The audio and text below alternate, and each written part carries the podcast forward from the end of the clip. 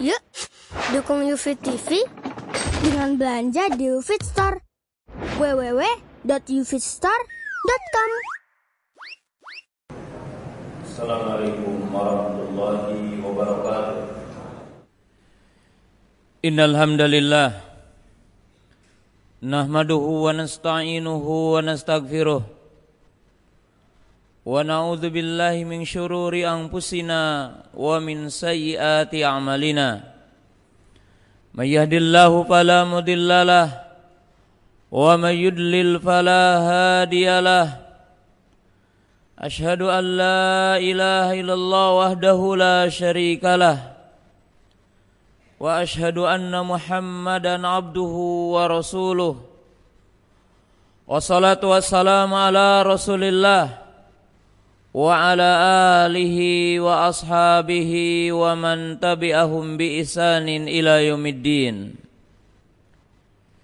يا ايها الذين امنوا اتقوا الله حق تقاته ولا تموتن الا وانتم مسلمون I'lam rahimakumullah fa inna khairal hadits kitabullah wa khairal hadi hadi Muhammad sallallahu alaihi wasallam wa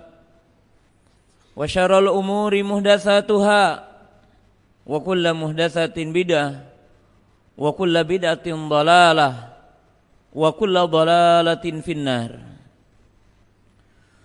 Wa qad qala Allah ta'ala wa dhkur ibadana Ibrahim wa Ishaq wa Yaqub ulil aidi wal absar. Kaum muslimin sidang Jumat yang dirahmati Allah Subhanahu wa taala setelah kita memuji kepada Allah Subhanahu wa taala dan kita bersolawat kepada Nabi sallallahu alaihi wasallam maka di dalam kesempatan Jumat yang berbahagia ini Khatib ingin menyampaikan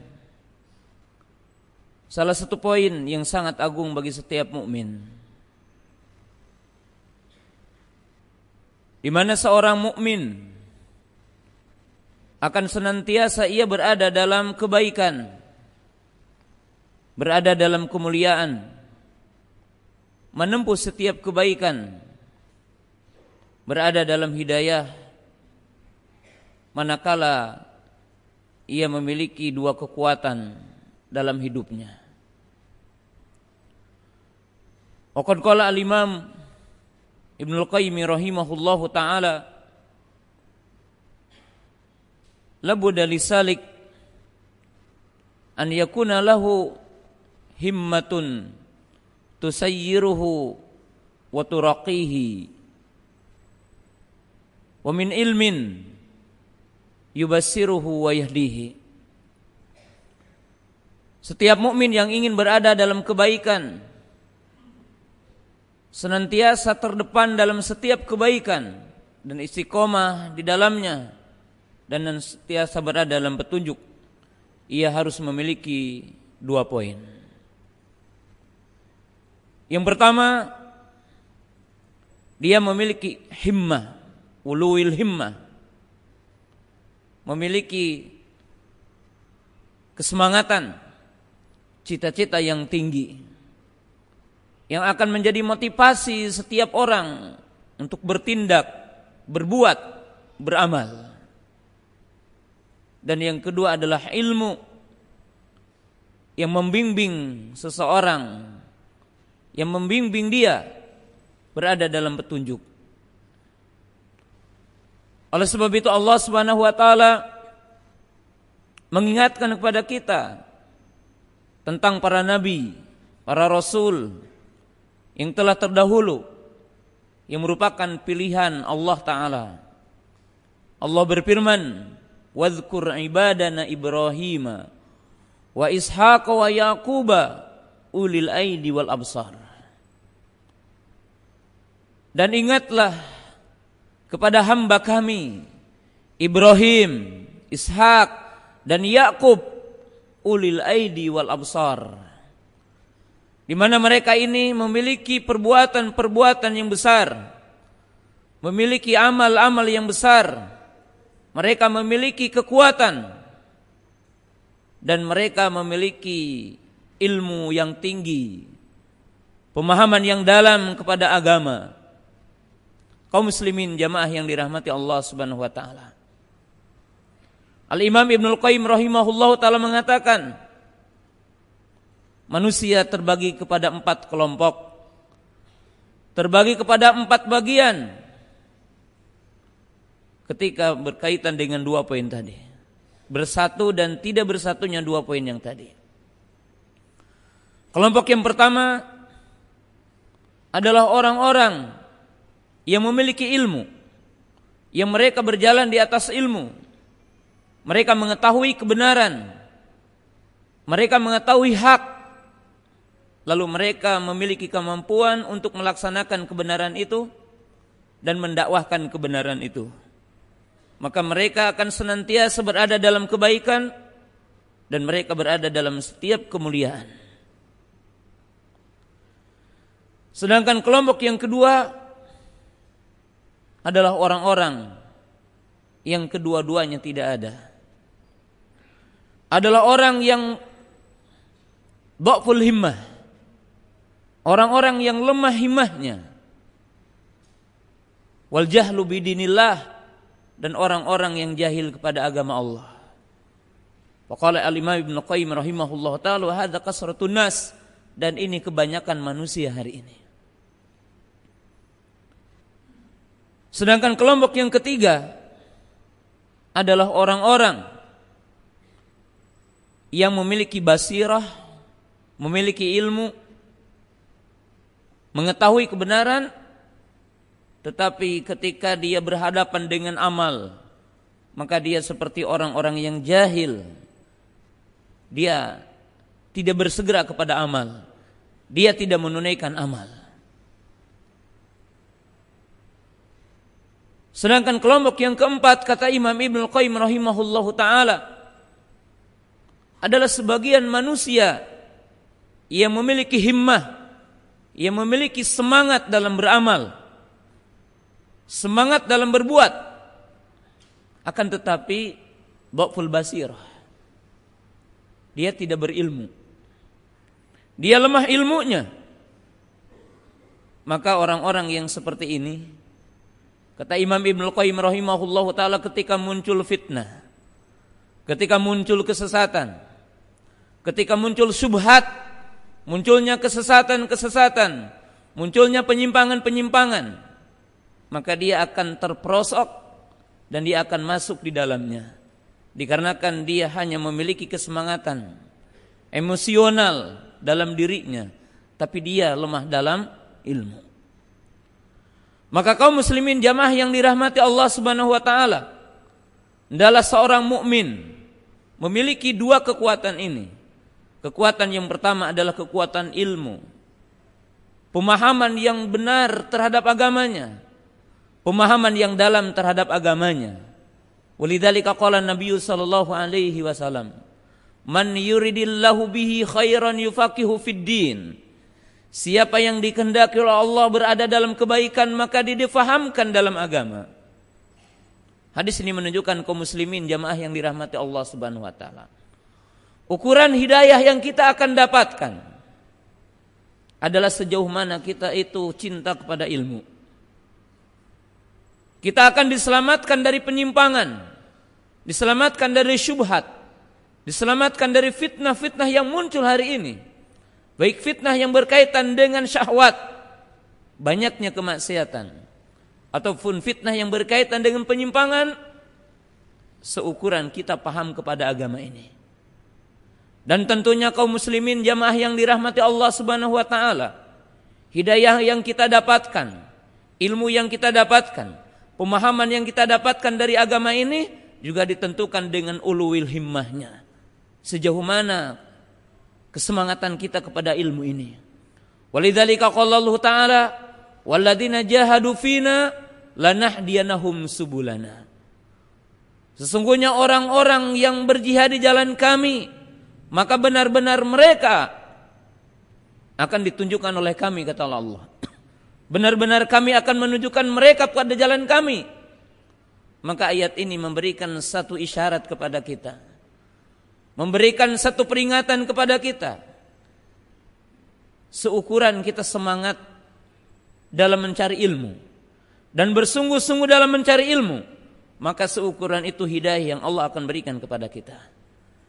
Dan sejauh mana kita bersemangat dalam mencari ilmu dan mempelajari ilmu, maka sejauh itulah juga kita akan selamat dari fitnah yang muncul hari ini. Karena Allah Subhanahu wa taala memberikan penjelasan kepada kita dan Rasulullah SAW menjelaskan penjelasan kepada kita bahwa hidayah, bahwa petunjuk diukur dengan pemahaman kita kepada agama kita. Dan sejauh mana kita semangat mempelajari agama kita. Kaum muslimin, jamaah yang dirahmati Allah Subhanahu wa taala. Oleh sebab itu kita melihat kehidupan para sahabat ridwanullahi taala alaihim yang Allah taala berkati mereka, yang Allah taala berikan hidayah kepada mereka dan Allah taala menyempurnakan nikmat kepada mereka dan Allah taala menyempurnakan hidayah kepada mereka. Lihatlah bahwa mereka para sahabat ridwanullahi taala alaihim mencari ilmu seperti mereka itu butuh kepada makanan dan minum. Mereka mencari ilmu ketika mereka membutuhkannya. Ketika mereka ada sesuatu yang sulit, maka mereka langsung bertanya kepada Nabi Shallallahu Alaihi Wasallam. Dalam khutbah yang pertama ini saya akan berikan tiga hadis contohnya. Ketika para sahabat pergi ke laut, lalu mereka kebingungan karena tidak membawa air tawar kecuali sedikit. Maka mereka datang kepada Nabi Sallam. Faqalu kunna narkalul bahra. Kami mengarungi lautan. Dan tidak membawa air kecuali sedikit. Ana tawadhu bima'il bahar. Bolehlah kami berwudu dengan air laut? Faqala Nabi sallam wa tahuru ma'uhu wal hillu maitatuh. Maka Nabi sallam mengatakan, laut itu suci airnya dan halal bangkainya. Di saat itu mereka paham, di saat itu mereka melaksanakan agama itu. Ali radhiyallahu taala anhu seorang sahabat yang kuat syahwatnya dan sering keluar air madi. Maka Ali berkata, "Kuntu rajulan madzaan, fastahyaitu an as'ala Nabi sallam, fa amartu Miqdada an yas'alahu." Wa qala Nabi sallam, "Igsil dzakaraka wa tawadda." Ketika Ali radhiyallahu taala anhu beliau merasa sulit ataupun belum paham dan belum tahu apa hukumnya keluar, keluar air madi? Berhubung beliau adalah menantu Nabi Sallam, maka beliau tidak langsung bertanya dan beliau menyuruh Mikdad ibnu Aswad. Maka Mikdad bertanya kepada Nabi Sallam, lalu datanglah jawaban, cuci dakarmu dan berwudulah.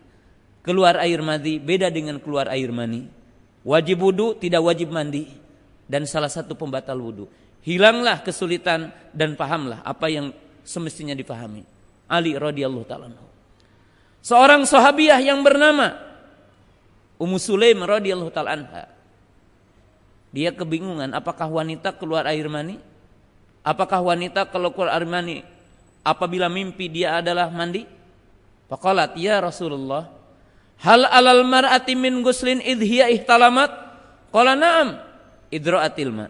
Ummu Salamah datang kepada Ummu Sulaim datang kepada Nabi sallallahu Wahai baginda Rasulullah, Apakah bagi wanita mesti mandi apabila dia mimpi? Maka Nabi SAW mengatakan iya apabila ia melihat air maninya. Lalu dia bertanya lagi, apa betul wanita keluar air mani? Maka Nabi SAW mengatakan, pemin aina shibhu. Dari mana ada anak yang percis ibunya? Kalau wanita tidak mengeluarkan air mani.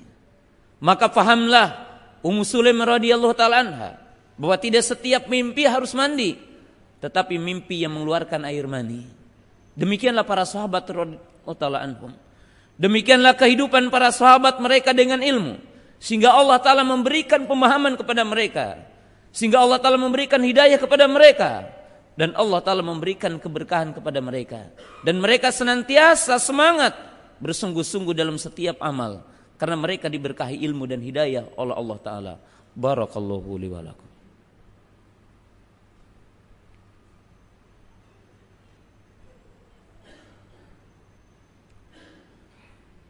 Alhamdulillah. Hamdan katsiran tayyiban mubarakan fi. Kama yuhibbu rabbuna wa yardah. Asyhadu an la ilaha illallah. Wahdahu la syarikalah wa asyhadu anna Muhammadan abduhu wa rasuluh. Wassalatu wassalamu ala Rasulillah. Wa ala alihi wa ashabihi. Wa man tabi'ahum bi ihsanin ila yaumiddin amma ba'du. Demikian juga tentunya dalam kalimat yang singkat ini saya menasihatkan secara khusus kepada para pencari ilmu. Siapa pun orangnya yang ingin sampai kepada kemuliaan memiliki syarat kesemangatan yang tinggi.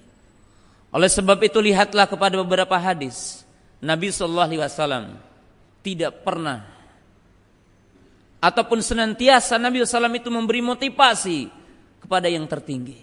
Beliau berkata, "Ida sa'altumullaha fasaluhu firdausa, fa innahu a'lal jannah, wa inna fil jannati lami'atu darajat, wa ma bainahuma ma baina sama'i wal ar." Nabi SAW mengatakan, jika kamu akan meminta kepada Allah, maka memintalah surga Firdaus. Karena surga Firdaus adalah surga yang paling tinggi. Dan ingatlah surga itu ada seratus tingkatan. Dan di antara keduanya sejauh bumi dan langit. Hadis ini memberikan motivasi kepada kita. Bahwa seorang mukmin dalam setiap amal adalah dia beramal yang terbaiknya. Qala Nabi sallallahu alaihi wasallam. Lau ya'lamun nasu ma nidai wa ma fi safil awali thumma la yadinahuma illa istahad malastahamu Nabi SAW mengatakan kalaulah manusia tahu tentang keutamaan berazan dan keutamaan mendapatkan sop yang pertama lalu tidak didapatkan kecuali harus kita berlomba dan diundi maka mereka akan ikut perlombaan dan ikut undian untuk mendapatkannya. Menunjukkan jamaah yang dirahmati Allah Subhanahu wa taala. Ketika seorang mukmin beramal tidak boleh mengatakan yang penting saya beramal, tetapi mesti uluwil himmah. Dan Nabi Shallallahu Alaihi Wasallam mengatakan tentang Jumat ini, man atayomal Jumati fi saat ula, faka'anhu qoroba bibana. Waman kana fi saati saniya, faka'anhu qoroba bil baqarah. Waman ata fi saati salisa, faka'anhu qoroba bil kabis. Waman ata fi saati rabi'ah, faka'anhu qoroba bidajajah. Waman ata fi sa'atil khamisah faka'anhu qaraba bi Rasulullah SAW mengatakan tentang hari Jumat, siapa yang datang pada jam yang pertama, maka dia seperti berkurban dengan unta. Siapa yang datang pada jam yang kedua, maka dia seperti berkurban dengan sapi. Siapa yang datang pada jam yang ketiga, maka dia seperti berkurban dengan seekor kambing. Dan siapa yang datang pada jam yang keempat, maka dia adalah seperti berkurban dengan seekor ayam. Dan siapa yang datang pada jam yang kelima, maka dia adalah seperti berkurban dengan telurnya. Lihatlah baginda Rasulullah SAW menjelaskan kepada kita bahwa seorang mukmin dalam beramal, salat Jumat, kita jangan terakhir, kita jangan orang yang talim belakang, tetapi orang yang pertama menunjukkan uluwil himmah, menunjukkan seorang mukmin itu senantiasa menjadi terdepan. Dan sebagai penutup dari khutbah ini, Lihatlah Nabi SAW menguji satu ketika para sahabat tentang amal.